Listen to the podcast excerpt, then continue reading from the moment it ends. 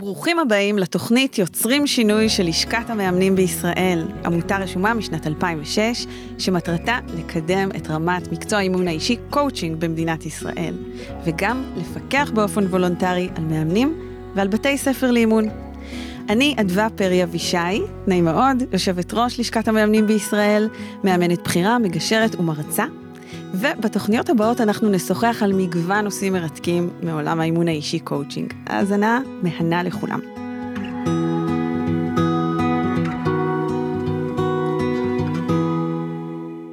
שלום, ברוכים הבאים לעוד פרק של הפודקאסט של לשכת המאמנים בישראל יוצרים שינוי. אני אדווה פרי אבישי, יושבת ראש הלשכה, והיום יש לי את העונג, ואני מאוד מאוד שמחה לארח כאן את לימור פרידמן בונה. היי לימור. היי, מה נשמע? בסדר גמור. יופי. מה שלומך? אני מאוד מאוד שמחה להיות פה, ממש מתרגשת. אז בואי אני ככה בקצרה אציג אותך, ואם תרצי כמובן את מוזמנת אה, לדייק ולהוסיף.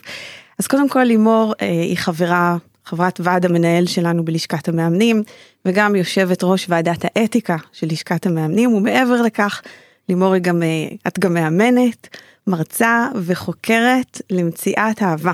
נכון? נכון מאוד, נכון.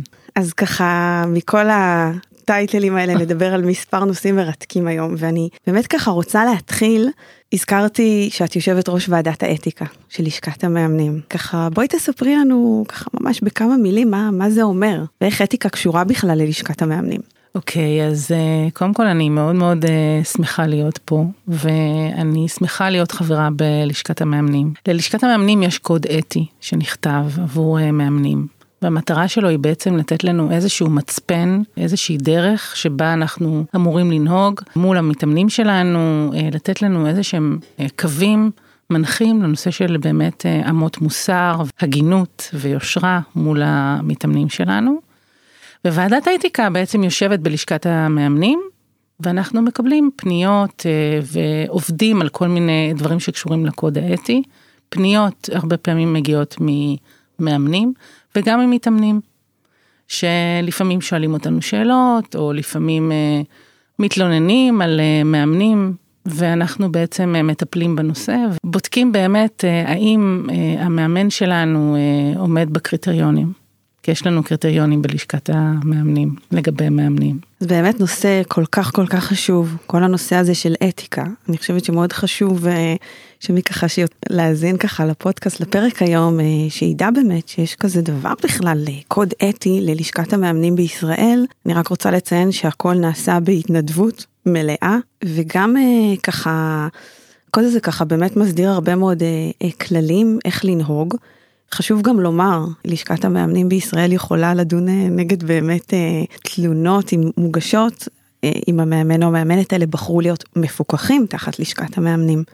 ואז באמת אנחנו ככה יכולים לדון, וזאת באמת בחירה של נכון כל מאמנת מאוד. ומאמן שהם באים ואומרים, אני חלק מהלשכה הזאת, ואני בוחר או בוחרת להיות מפוקח וזה אומר שאם מישהו אה, חלילה יתלונן עליי אני לוקח את זה על עצמי ואני מחויב לקוד האתי הזה. נכון מבחינתי כשאני אה, בתור מאמנת צעירה הצטרפתי ללשכת המאמנים אני רציתי שיהיה לי איזשהו תו איכות שיהיה איזשהו משהו שייחד אותי אה, מול המתאמנים וכן שיפקח עליי ושיבדוק אה, גם שאני עומדת בקריטריונים וגם אה, באמת לתת למתאמנים שלי את השירות הטוב ביותר, ולכן אני הצטרפתי ללשכה, ואני חושבת ש... ואני מעודדת הרבה מאוד מאמנים להצטרף אלינו ללשכה, כי מעבר לעניין של הקוד האתי, יש באמת עניין של סטנדרט שאנחנו רוצים להציב. לגמרי. סטנדרט גבוה, סטנדרט של יושרה, של מקצועיות. ושל אמינות ושבאמת המתאמנים שיגיעו אלינו ידעו שהם הגיעו שהם מגיעים לאיזשהו מקום בטוח לגמרי, לא, לא, לא יכולתי לתאר את זה טוב, טוב ממך. אולי זה המקום ככה לומר, תחום האימון לא מוסדר מבחינה חוקית, לא מוסדר בארץ מבחינה חוקית וגם ברוב מדינות העולם אגב. אני מניחה שגם זה יגיע. ודווקא בגלל זה מאוד מאוד חשוב שיש קוד אתי, שיש איזשהו סטנדרט של uh, התנהגות שכן יש מאמנות ומאמנים שבוחרים להיות כפופים אליו. דווקא בגלל שאין חקיקה, על אף העובדה שחקיקה ואתיקה הם שני דברים שונים, אבל עדיין סוג של כללים אה, ונורמות שמחויבים להם, וכן אבל לפני כבר מספר שנים בית המשפט קבע באיזשהו פסק דין הגיע בעצם אה, איזושהי תביעה נגד מאמן הוא לא היה חבר בלשכת mm-hmm. המאמנים ומה שהיה מעניין כן mm-hmm. שבית המשפט השופטת שם קבעה כל מאמן ומאמנת שבוחרים לכנות את עצמם מאמנים. מאמנים אישיים מתחום הקואוצ'ינג כמובן אם זה לא היה ברור עד עכשיו הם מחויבים להיות כפופים לקוד האתי של לשכת המאמנים גם אם הם לא חברים בלשכה. נכון. וזאת הייתה אמירה באמת מאוד מאוד חשובה מבחינה משפטית אה, דווקא בגלל שאין לנו גם חקיקה אבל כן יש את, ה, את פסק הדין הזה זה ככה במאמר מוסגר ואת רוצה אולי לתת לנו ככה שמי שמאזינים לנו ככה יתחברו אולי איזו דילמה אפילו שאת ברמה האישית נתקלת בה דילמה אתית במהלך העבודה שלך. וואי, אה, באמת נתקלתי בעבודה האישית שלי, אני כבר אה, יותר מעשר שנים מאמנת, בהרבה מאוד דילמות, הרבה מאוד קונפליקטים כאלה פנימיים, אה, אני גם לוקחת הדרכה הרבה פעמים כדי באמת לטייב את עצמי מול המתאמנים שלי. אני זוכרת דילמה דווקא, דווקא לא ממזמן.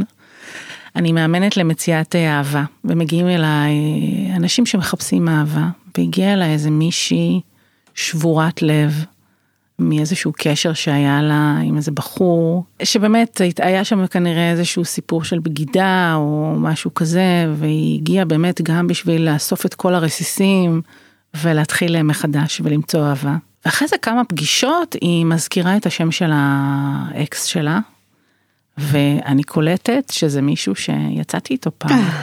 וואו.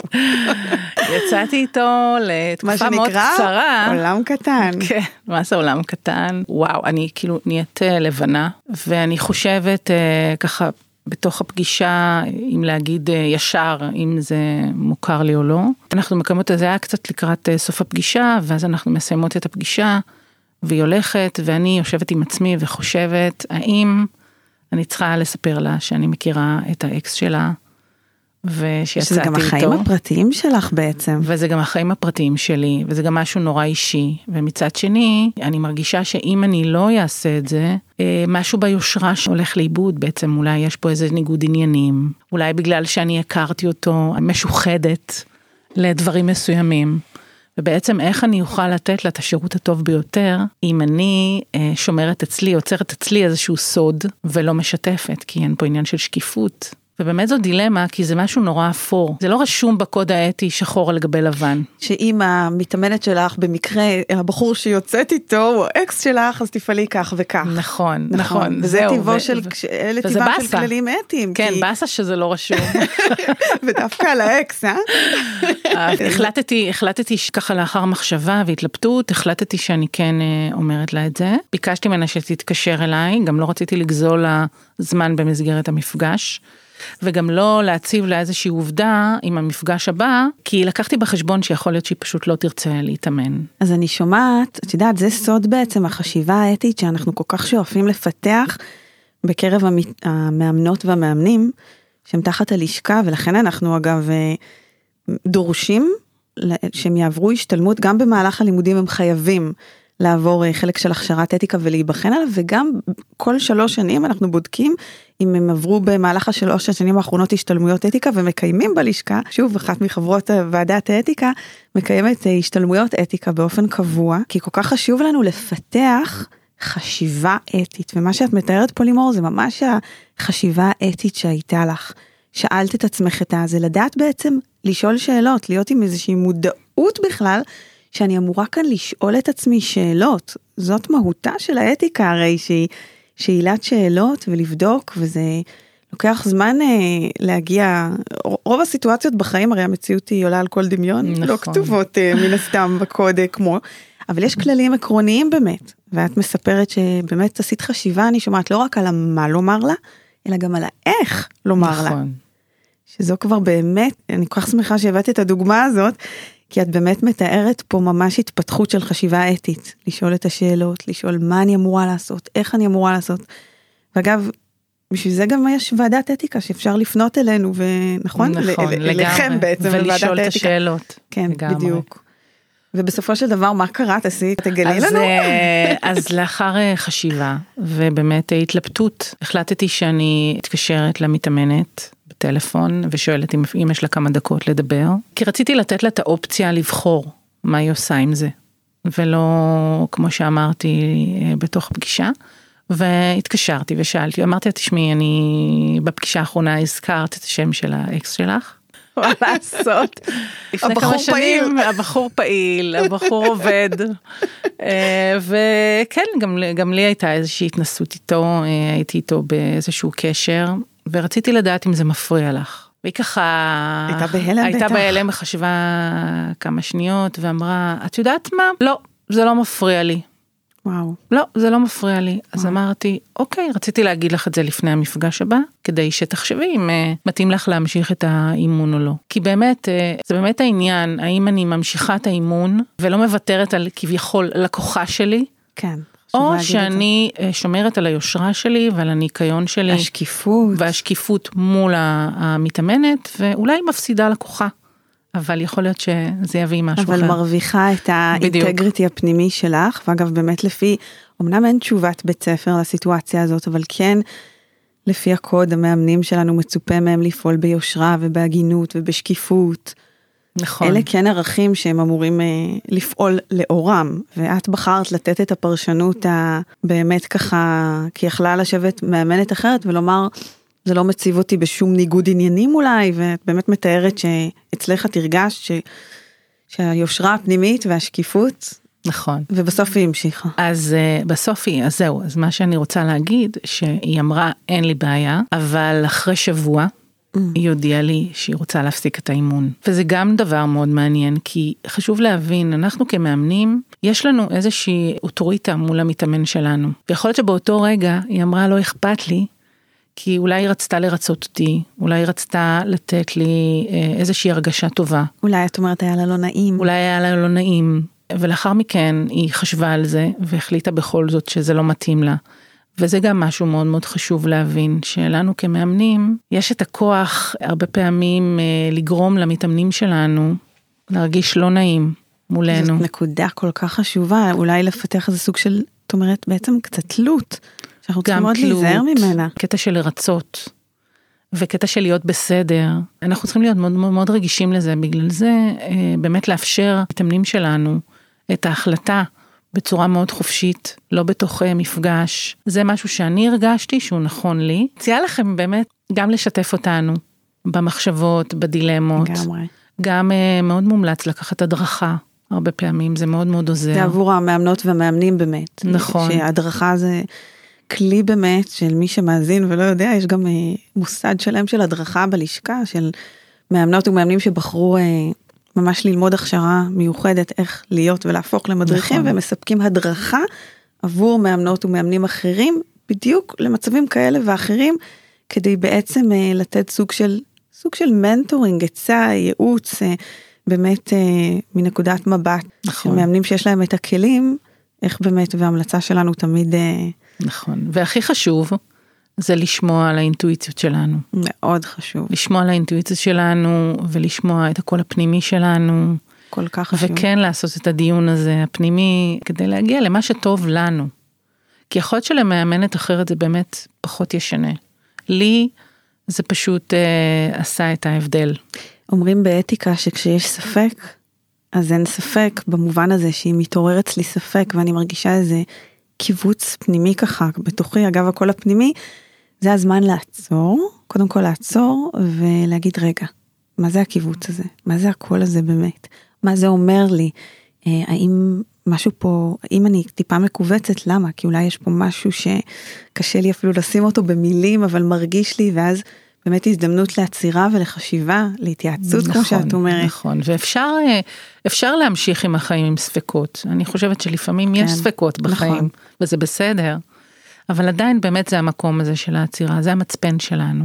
לגמרי לגמרי ואת יודעת הסוגיה הזאת היא כל כך חשובה כל מתאמן ומתאמנת שמגיעים לחדר האימון הם תמיד פותחים בסופו של דבר למד שיהיה תהליך אמיתי בעצם צריכה להיווצר אינטימיות מאוד מאוד חזקה אה, ולהיווצר מרחב של אמון וקרבה כי בעצם תהליך של אימון הוא תהליך של שינוי שהוא מתחיל משינוי פנימי מאוד חזק ואחר כך יש לו כמובן את הביטוי במציאות אז חייבת לי הם גם משתפים מנבחי נפשם ומהמקומות הכי אינטימיים שלהם וגם בחדר האימון חשוב שתיווצר האינטימיות הזאת וזה ככה מחבר אותי לנושא הבא שרציתי ככה לדבר איתך נושא שבעיניי. חושבת הוא אחד הנושאים הכי, הוא קשור גם נכון את חוקרת מציאת אהבה, כותבת איזה ממש דוקטורט, נכון? נכון, מרתק. באוניברסיטת חיפה. אז, אה, אז אם תרצי תשתפי ככה אותנו קצת אה, בכמה מילים, כי זה מאוד מאוד מעניין לשמוע. אה, איזה כיף שיש פה איתי היום חוקרת אה, למציאת אהבה. אולי נתחיל באמת, אגב אינטימיות שדיברנו עליה, כי אני חושבת שזה אחד הנושאים הכי מאתגרים בתקופה הנוכחית שלנו, לא רק בגלל כל התקופה של הקורונה, שהפגישה אותנו עוד פעם עם סוגיות של אינטימיות, תכף נדבר קצת מה זה אומר בכלל. בכלל, אני חושבת שהעידן הזה של רשתות חברתיות, נכון? ובזה את מתמקדת גם במחקר שלך. כן, אה, אני מתמקדת באתרי היכרויות ובאפליקציות של היכרויות. ההתמקדות שלי בטינדר אה, בעיקר. וואו. באמת. אז, אה, אז תגידי לימור, מה, רגע, תכף אני נורא סקרנית לשאול על אינטימיות שם, ואם זה אפשרי בכלל, כי זה בדיוק מה שרציתי לומר, שזה כל כך מאתגר בעידן שלנו, שהכל כל כך כל כך דרך רשתות, במיוחד בקורונה שמנו לב לזה, מה לזה ולאינטימיות, ואם אפשר או לא אפשר, אבל רגע לפני זה, בואי נדבר קצת על אה, אינטימיות. לגמרי. מה זה אומר אינטימיות מבחינתך? מה זה אומר בכלל? יש על זה גם הרבה מחקרים. כן, אז קודם כל יש הרבה מאוד הגדרות לאינטימיות, יש הרבה חוקרים שחוקרים אינטימיות. מה זה אומר המילה הזאת בעצם? זה אומר שאני יכולה, אם אני בקשר אינטימי, להיות אני. בעצם קלף את הגרעין שלי בנוכחות מישהו אחר. זה משהו שהוא מאוד מאוד חשוב. באינטימיות והיכולת שלי להיות פגיעה להיות אה, לא מושלמת בתוך קשר, זה בעצם אה, מגדיר את העניין של אינטימיות. אנחנו יכולים ליצור אינטימיות בכל מיני דרכים. את יודעת, אנשים נוטים לחשוב שאינטימיות היא באמת משויכת רק ל... ישר חושבים על זוגיות, אבל אינטימיות היא גם יכולה להיווצר פה בינינו עכשיו, נכון? ב... לגמרי. ב... ב... בשיחה שלנו עכשיו, היא לא נכון. רק, היא, היא בכל מערכת יחסים, נכון? נכון, ובאמת אה, אפשר גם בדייט ראשון ליצור אינטימיות. אז רגע לפני הדייט הראשון, תגידי לימור אינטימיות, אני תמיד אה, אומרת ככה חושבת שאינטימיות קודם כל מתחילה, בכלל שיחסים תמיד מתחילים ביני לבין עצמי. וגם אינטימיות אולי. מה, מעניין אותי לשמוע מה את חושבת על זה, האם באמת אינטימיות מתחילה קודם ביכולת שלי עם עצמי, להכיר את עצמי כמו שצריך. נכון, יש בזה משהו בהחלט, מכיוון שאם אני מסוגלת להיפתח בפני מישהו אחר, זה אומר שיש לי את החוזקות שלי כדי לדעת שאם אני אפתח זה לא יבוא נגדי, זה לא יפרק אותי, זה לא יחשוף אותי בצורה שאני לא יכול לעמוד בזה. ולכן אנשים בפעמים כדי לפתח אינטימיות הם צריכים באמת איזושהי הרגשה בסיסית שהם אה, בסדר. גם עם הפגמים, זאת אומרת לקבל את הפגמים שלהם, לקבל את ה... קודם גם להכיר את, את עצמם, נכון? שלהם, כן, להכיר את העצמי שלהם. ויש אנשים שיותר קל להם ליצור אינטימיות ויש אנשים שיותר קשה להם ליצור אינטימיות. אז באמת אמרת קודם דייט ראשון, יש אופציה? יש אופציה לאינטימיות בדייט ראשון? זה אפשרי בכלל? כן, קודם כל אני רוצה להגיד שאנשים מגיעים אליי הרבה פעמים כדי לשאול מה לעשות בדייטים, כי הדייטים שלהם מאוד שטוחים, מאוד ריקניים, דייטים משעממים. הם מרגישים הרבה פעמים שהם הכירו את הבן אדם אבל הם בעצם לא הכירו. זה בגלל שהרבה פעמים אנחנו הופכים את הדייט לראיון עבודה. ממש. אנחנו שואלים שאלות מאוד טכניות, איפה אתה גר, אה, מה אתה עושה, כל מיני שאלות כאלה כדי במיוחד לבדוק מה הדברים השליליים בבן אדם מולנו. כן.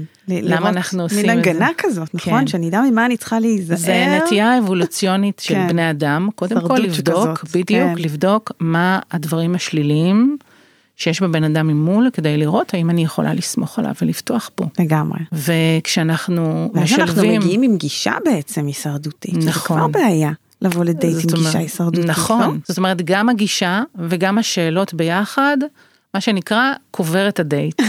לגמרי. לכן אני מציעה הרבה פעמים לאנשים גם לשאול שאלות אחרות, גם לספר אה, קצת דברים על עצמם. קצת אה, דברים על עצמם אחרים. אחרים, נכון? ממקום אחר. כמו מה? בואי תמחישי לנו שככה מי שמקשיבים לנו יבינו ככה על מה מדובר ואולי אוקיי. כבר הוציאו דפים ורושמים. אה, אז קודם כל אני בכלל ממליצה להתחיל דייטים אה, בצורה קצת אחרת, לא בצורה קונבנציונלית. אפשר להיפגש כל מיני מקומות, לא רק בבית קפה ומסעדה. אפשר להיפגש על ספסל, אפשר להיפגש בפארק. זה קרה בקורונה הרבה, נכון? נכון. והקורונה ממש פתחה את האפשרויות לדייטים לא שגרתיים. אחרים. נכון. אני, אני היו לי דייטים בתחנות דלק ובפארקים ובכל מיני מקומות, בהום סנטר ובסופר פארם. גם. פשוט את בחורה מאוד יעילה ואפקטיבית. בדיוק אמרתי אני צריכה לקנות איזה פחית צבע בוא תפגוש אותי בהום סנטר ליד אם המדף הדייט לא ילך צבעים. לפחות קניתי צבע. בדיוק, גם תעזור לי, נראה את הידע שלך בטמבור, טמבוריה. את אומרת אה, לצאת מהקופסה, לא להיות הקיבעון הזה, בית קפה, פאב. אה, בדיוק, אפשר אה, לפתוח בתשבץ, אה, כאילו לפני שאני מכירה את הבן אדם לשאול אותו ההגדרה על איזה תשבץ או להביא חוברת תשבצים, אני לא יודעת, כאילו באמת לחשוב מחוץ לקופסה. הדבר השני זה באמת לשאול שאלות אחרות. אבל לדעת שאם אני שואלת שאלות אחרות, כמו למשל, על מה בחיים שלך אתה מוקיר תודה? סתם שאלה, או מה זה יום מושלם בשבילך? זה דברים שהם פותחים אותנו לאנשים אחרים, לגמרי, לגמרי. אבל הם גם מצריכים אותנו לשתף. זהו, שקודם התחלת לומר ש... שאת ממליצה לבוא לדייט ולהיות אה, בעצם לשת... כדי שתיווצר אינטימיות, איזושהי קרבה, לשתף משהו אחר על עצמי. אז זה בדיוק חלק מהאחר, לדוגמה? נכון, זה בדיוק חלק מהאחר. למשל, היו לי מתאמנים שממש קפאו בדייטים, שהיה להם מאוד קשה לדבר. דווקא להתכתב לא הייתה להם בעיה, אבל לדבר היה להם מאוד קשה, ובטח פנים אל פנים. אז אמרתי להם פשוט לשקף את זה, להגיד, תקשיבו, או. תקשיבי, אני פשוט נורא נבוך עכשיו. Hmm. אני בדרך כלל נבוך בדייטים, אני לא בן אדם כזה, אני בעבודה, אבל בדייט, אז בואי תעזרי לי קצת, אולי וואו. תספרי לי משהו על עצמך. זה עד שאני אסדיר נשימה אינטימיות, אה? בכלל. זה כבר להגיד משהו על עצמי בעצם. נכון, זה כבר נכון. פתיח של אינטימיות. לגמרי. שהנה אני חושפת משהו מה- מהמקומות שאני ככה, ואת אומרת גם בואי תעזרי לי, כאילו, נכון, ש- של נכון. לייצר, לרתום כאילו את הצד השני. נכון. אז קודם כל באמת, לחשוף את המשהו הקטן הזה, זה לא משהו שהוא מזיק, להפך, זה משהו שמקרב. כי הרבה אנשים מרגישים את המבוכה הזאתי ואת הכפייה כן. הזאתי. ובאמת שמישהו בא ואומר, אז זה נותן לי גם לגיטימציה להיות מובכת. ולהרגיש לגמרי. לא טוב מול הדייט שלי, בצורה כזאת שהיא כן מאפשרת אפילו סוג של הומור. הומור דרך אגב זה כן משהו מאוד מאוד, אה, כלי מאוד מאוד חזק בדייטים שאפשר... ולייצר אה, אינטימיות זה כלי חזק נכון, מאוד. נכון, לגמרי. לגמרי. שזה אין את זה לכ- לכולם באופן אולי טבעי, אבל uh, לצחוק, אני תמיד אומרת לצחוק על עצמי, נכון. זה הכי שובר uh, קרח, נכון? נכון, הומור עצמי. אני למשל אה, מספרת הרבה פעמים על, לכל בן אדם יש שריטות. אז נכון, בדייט ראשון אסור לדבר על שריטות, זה מה שאנשים חושבים. אבל אם אני מצוחקת על עצמי ברמה של באמת אה, מספרת איזה משהו קטן שאני לא אוהבת, למשל אני נורא אוהבת לקפל מגבות אה, מטבח. את מוזמנת אני לא אליי. אוהבת, אני לא אוהבת שהמגבת מקופצ'צ'ת, אני חייבת לקפל אותה, לשים אותה בצד, והבן זוג שלי משתגע, כי הוא כל הזמן מבשל והוא אוהב לקפצ'ץ' את המגבות, ואני כל פעם לוקחת לו אותם, אין לו, אין לו מגבות אה, מטבח, וסוג של אתה שריטה עם נייר שלי, סופג, בדיוק, או נייר סופג או כלום. לא כלום. ואנחנו הרבה פעמים צוחקים על זה, וצוחקים על זה גם אה, הרבה פעמים בחוץ. וזה מין בדיחה כזאת, ואני חושבת שבאמת לכל אחד יש את השריטה שלו, את המקום הפגיע שלו, ושזה לא חשוף מדי, אפשר גם אה, לצחוק על זה. לגמרי, את נתת פה דוגמה מעולה. אני, אני לדוגמה, אני כבר נשואה הרבה שנים, אבל מזמן לא הייתי בדייט, אבל, אבל אה, זה לא קשור, כי אינטימיות זה באמת אה, לייצר אינטימיות בכל אה, מפגש חדש. אני, אני לדוגמה ממש חסרת חוש כיוון, ואני תמיד צוחקת על עצמי, שמזל שהגעתי לפה בכלל, כי נכון. יכולתי, זה באמת דבר ש... וזה באמת גם דורש, כמו שאמרת קודם, איזה סוג של אה, עבודה פנימית עם עצמי, שאני מספיק שלמה עם עצמי. אולי, אולי תגידי על זה באמת כמה מילים, כי ממקום שאני באמת מספיק שלמה עם עצמי, וככה לא יוצאת לחפש מישהו כדי שישלים אותי, אלא אני מספיק שלמה בתוך עצמי, וגם עד כדי כך שאני יכולה להרשות נכון. לעצמי לצחוק על, עצ- על עצמי ככה ולייצר הומור עצמי על הדברים האלה. שוב, אנחנו מתאימים את רמת האינטימיות לפי רמת ההיכרות מן הסתם, אבל באמת ככה למצוא נכון. את, ה, באמת העניין של מושלמות זה עניין שבאמת אנחנו פוגשים אותו ביום יום, אנחנו פוגשים אותו באפליקציות של היכרויות, אנחנו מחפשים את המישהו המושלם. יש לנו רשימת מכולת, מה צריך להיות, זה מה עולם לא. של אתה לא, יודע- את לא יודעת, רואים תמונה, זה, זה הבן אדם, זה לא הבן אדם, זה הרי כל נכון. הטכנולוגיה והרשתות, בדיוק מה נכון. שאמרת, עוד יותר אנחנו מעלה. כן. משטיחים, אנחנו משטיחים את, ה, את האדם עצמו. אנחנו מרוקנים אותו מתוכן, הוא הופך להיות איזה, אה, כן, תמונה ועוד איזה רשימה של כמה דברים שהוא עושה, ואנחנו בעצם מחפשים את המושלם, וכשאנחנו מחפשים את המושלם, אנחנו גם מרגישים שאנחנו צריכים להיות מושלמים, ואז זה באמת משהו שסותר את האינטימיות שאמורה להיווצר. כי אם אני אמורה להיות מושלמת, והבן אדם מולי אמור להיות מושלם, אז אין את המקום הזה של באמת אה, אז אני לא לצחוק על כל מיני דברים, בדיוק, ולא את אחשוף. הסריטות הקטנות שלי. ותחשבו, אה, האם אתם יכולים להתחבר לאנשים מושלמים כאלה, שנגיד פגשתם במקום עבודה, או פגשתם באיזשהו חוג חברתי. את מתכוונת מנסים לצייר תדמית כן, של מישהו מושלם. בדיוק, בדיוק. האם פגשתם את האנשים המושלמים במרכאות, והאם הצלחתם להתחבר אליהם? כי מישהו שאומר הכל טוב, הכל נהדר, הכל בסדר, אני מצ... הילדים שלי מצליחים, אז זה מצליח, אז זה מצליח, ואין אין, אין לנו שום דרך לפרוץ את החומה הזאת. את יודעת, זה, כשאת אומרת את זה, זה באמת מזכיר לי שיש מקרים באמת של, אה, שנתקלים בחדר האימון. אני אפילו באופן אישי נתקלתי באמת של... אה, אה, יצא לי לראות את זה יותר עם מתאמנות שמגיעות, ואני בטוחה שנתקלת בזה, והם הם, הם, הם סוג של Miss Perfect, והן מגיעות לדייט, הכל אצלהם נראה כאילו פיקס ומושלם. כמו שאמרת, הכל טוב והכל בסדר, ו, ואף פעם שום דבר גם לא, לא, לא נוח, כאילו אני זורמת והכל סבבה והכל הולך לי טוב בכל תחום בחיים שלי, ואז אולי יושב בן אדם מולי ושואל, אוקיי, אז היא, היא צריכה אותי בכלל? אני כאילו, נכון. אני, אני בכלל כאן, אה, יש לי איזשהו תפקיד, זה מעניין אותי לשמוע אם נתקלת בזה באמת, אגב. נכון, יש עוד אה, את סוג האנשים שלא מבקשים עזרה, או שלא רוצים לבקש עזרה כדי לא להצטייר חלשים. ואצלהם גם הכל טוב, והם לא, לא מעוניינים שיעזרו להם, שיעשו להם, כן, ו, וזה גם סוג של אה, בעיה באינטימיות, או קושי באינטימיות. בגלל שכולנו זקוקים לאיזושהי כתף להישען עליה, ולהיעזר. המקום הזה של להיעזר זה באמת לחשוף את הפגיע שבי, את המקום שאני לא מצליח, ואני צריך עזרה. וזה גם משהו שמאוד מקרב אנשים, כי אנשים מאוד אוהבים לעזור באופן כללי. כי זה נותן להם תחושת משמעות מאוד נכון, חזקה. מישהו שהוא יכול לתרום ולעזור, אז הוא מרגיש נורא משמעותי. נכון מאוד. הרי ולכן- כשאני עוזרת לאחרים אני מרגישה משמעותית, אבל כשאני מאפשרת לך לעזור לי, אני מאפשרת לך להרגיש, אני בעצם נותנת לך. נכון. אז לכן גם השיתוף וגם הבקשת עזרה, זה משהו שבהחלט יכול לעודד אינטימיות. אינטימיות עם. האנשים שקרובים לי. דרך אגב, זה גם small talk מאוד מאוד מוצלח. אם אנחנו פוגשים מישהו שאנחנו לא מכירים, שואלים על איזושהי עזרה או על איזושהי בקשה לעזרה, זה כבר משהו שכן רותם את הבן אדם השני אה, לעזור לנו, לא לשמור על התיק בחוף הים למשל, כי זה ממש מעצבן, אבל אה, לשאול על איזה רחוב, או מה כדאי לבחור מהמדף פה, או משהו כזה. שזה התייעצות אפילו כן, גם. כן.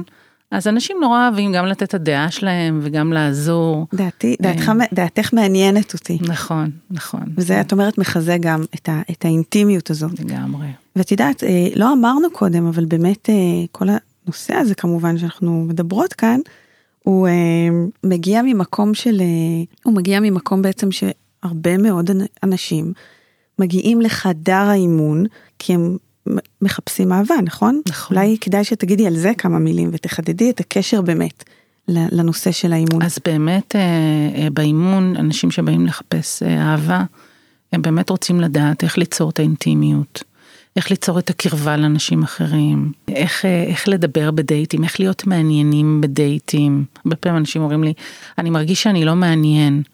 אה, זה נכון, כי לפעמים כשאנחנו לא שואלים את השאלות העמוקות, אז אנחנו גם לא מייצרים אה, עניין גם לגבינו. ובאימון עצמו, בתהליך האימון עצמו, אנחנו גם עושים סימולציות של שיחות. נהדר. אה, דייטים מדומים מה שנקרא. חושבים באמת על איזה כרטיס ביקור יש למתאמן. מה הוא, מה הוא יכול להציע, מה הדברים החזקים אצלו, מה הדברים הטובים ממש אה, שיכול להוציא לתרגל, אותם ו- החוצה. ואת- ו- ובטח קודם יש את ה... מן הסתם את התהליך, כמו שאמרנו קודם, שאני קודם מכיר ב... בכלל נכון. אולי עובר איזושהי, איזשהו תהליך, אני עוברת של להכיר את עצמי ואת העוצמות שלי ואת החוזקות שלי ואת הייחודיות שלי, את החולשות שלי. לגמרי. וגם לגמרי. את ה... את יודעת, וזה מוביל אותי ככה אולי לעוד אה, שאלה חשובה. הרבה פעמים מגיעים ככה לגילאים יותר מתקדמים ולא מוצאים, אה, עדיין לא מוצאים את הזוגיות המיוחלת, והרבה אנשים כאלה באמת אה, מגיעים לחדר האימון, וכל הזמן הם שומעים מסביב, זה בגלל שאת לא מתפשרת, את לא מתפשרת. מהמם. עכשיו, לי יש איזושהי אה, ככה תיאוריה שמתכתבת עם עולם האימון, מעניין אותי לשמוע מה את חושבת, שדווקא החשיבה הזאת של להתפשר ולהתפשר ולהתפשר, היא זאת בדיוק שמובילה לתסכול בלתי נגמר ולעייפות מדייט לדייט, מדייט לדייט, מדייט לדייט, כי אף פעם לא ישבתי עם עצמי, ובאמת ביררתי עם עצמי בצורה מדויקת, מה אני בעצם מחפשת. אני חושבת שנכון, זה נכון מאוד. אני לא מעודדת את המתאמנים והמתאמנות שלי להתפשר. אני חושבת שחשוב להתמקד במה שחשוב לנו, מה שטוב לנו, ומה אנחנו מחפשים בבני הזוג, ובמקום שתהיה רשימה ארוכה, זה צריך להיות משהו אחד או שניים שהם הכי הכי חשובים לנו, ואיתם ללכת. העניין הזה של להתפשר בעצם גורם לנו בסופו של דבר להרגיש לא כל כך נעים בתוך מערכת קשר, בתוך מערכת יחסים, כשאנחנו נמצאים מתוך מקום של פשרה. אני חושבת שכן, העניין של לספר את הסיפור שלנו אחרת מול האנשים, זה משהו שבהחלט עובד באימון. אנחנו לומדים לספר את עצמנו אחרת. הייתה לי מתאמנת בגיל, אה, בגיל השלישי, שסיפרה כל הזמן את הסיפור החיים שלה סביב הנושא של אה, בת לניצולי שואה וכולי. וזה היה, זאת הייתה התמה שלה. ובאמצעות האימון אנחנו למדנו ועזרתי לה איך לספר את הסיפור שלה אחרת. מה הדברים האחרים שהיא אוהבת, מה הדברים שהיא אה, אה, מתעניינת בהם. מקסים, אה, מקסים. אה, באמת במקום להתמקד בעבר ובילדות שלה הקשה. את לא רק ניצולת שואה. בדיוק, יש בך זה עוד רק, הרבה מאוד בדיוק, דברים. זה רק רכיב אחד מתוך כן. הרבה מאוד רכיבים בתוך האישיות וואו. שלך. מרתק. תשמעי לימור, זה, יכולתי לדבר איתך באמת עוד שעות על הנושאים המרתקים האלה. אז אנחנו לקראת סיום, אני, אני באמת רוצה קודם כל להגיד לך המון המון תודה, אז אני מרגישה שהספקנו רק אה, לטעום אה, קצה קצהו של המזלג, לשאול אותך אם יש עוד משהו שאת ככה רוצה אולי לסכם בקצרה, טיפים, משהו ככה ממש אה, למי שככה מאזינים. קודם כל היה לי ממש כיף לדבר ולספר ולהיפגש איתך פה בשידור הזה. אני הייתי רוצה גם אה, להסב את תשומת ליבנו לנושא של שיחות טלפון. אתם יודעים שהיום אנשים מעדיפים לא לדבר בטלפון. אנשים לאט לאט אה, מחשיבים את שיחות הטלפון פחות ופחות. נכון. יש גם מחקרים שאומרים שאנשים פירוש מעדיפים אה, מסרים, חבר... מסרים מיידיים ולא שיחות טלפון. יש ירידה מאוד גדולה. ויש גם אה, מושג כזה שנקרא generation mute, שאנשים פשוט מעדיפים להיות על מיוט. ותחשבי כמה שיחות טלפון אנחנו מסננים. אני מציעה כן לדבר בטלפון, בגלל שיש את הנושא של ההורמון אוקסיטצין, שזה ההורמון שמופרש בזמן שאנחנו שומעים קול. הורמון ואנחנו- אהבה. נכון. ואנחנו יכולים ליצור קשר יותר אינטימי עם אנשים כשאנחנו מדברים איתם בטלפון. יש עוד רובד של הכל. בדיוק. אז אה, וואו, תחזרו חשוב. לא ארוכות מדי, אבל כן לשמוע את הכל, כן לשמוע את הטון. זה משהו שיכול מאוד מאוד לעזור ולקרב אה, לפני דייט ראשון. איזה טיפ נפלא. תודה. ממש חשוב. וואו. היה לי סופר מרתק ומעניין והמון המון תודה. תודה לך, וכיף. ונתראה. אנחנו נתראה וניפרד ומקווה שככה ככה נתנו איזשהו ערך למאזינים היום. תודה רבה, תודה ביי רבה ביי. לכולם. תודה.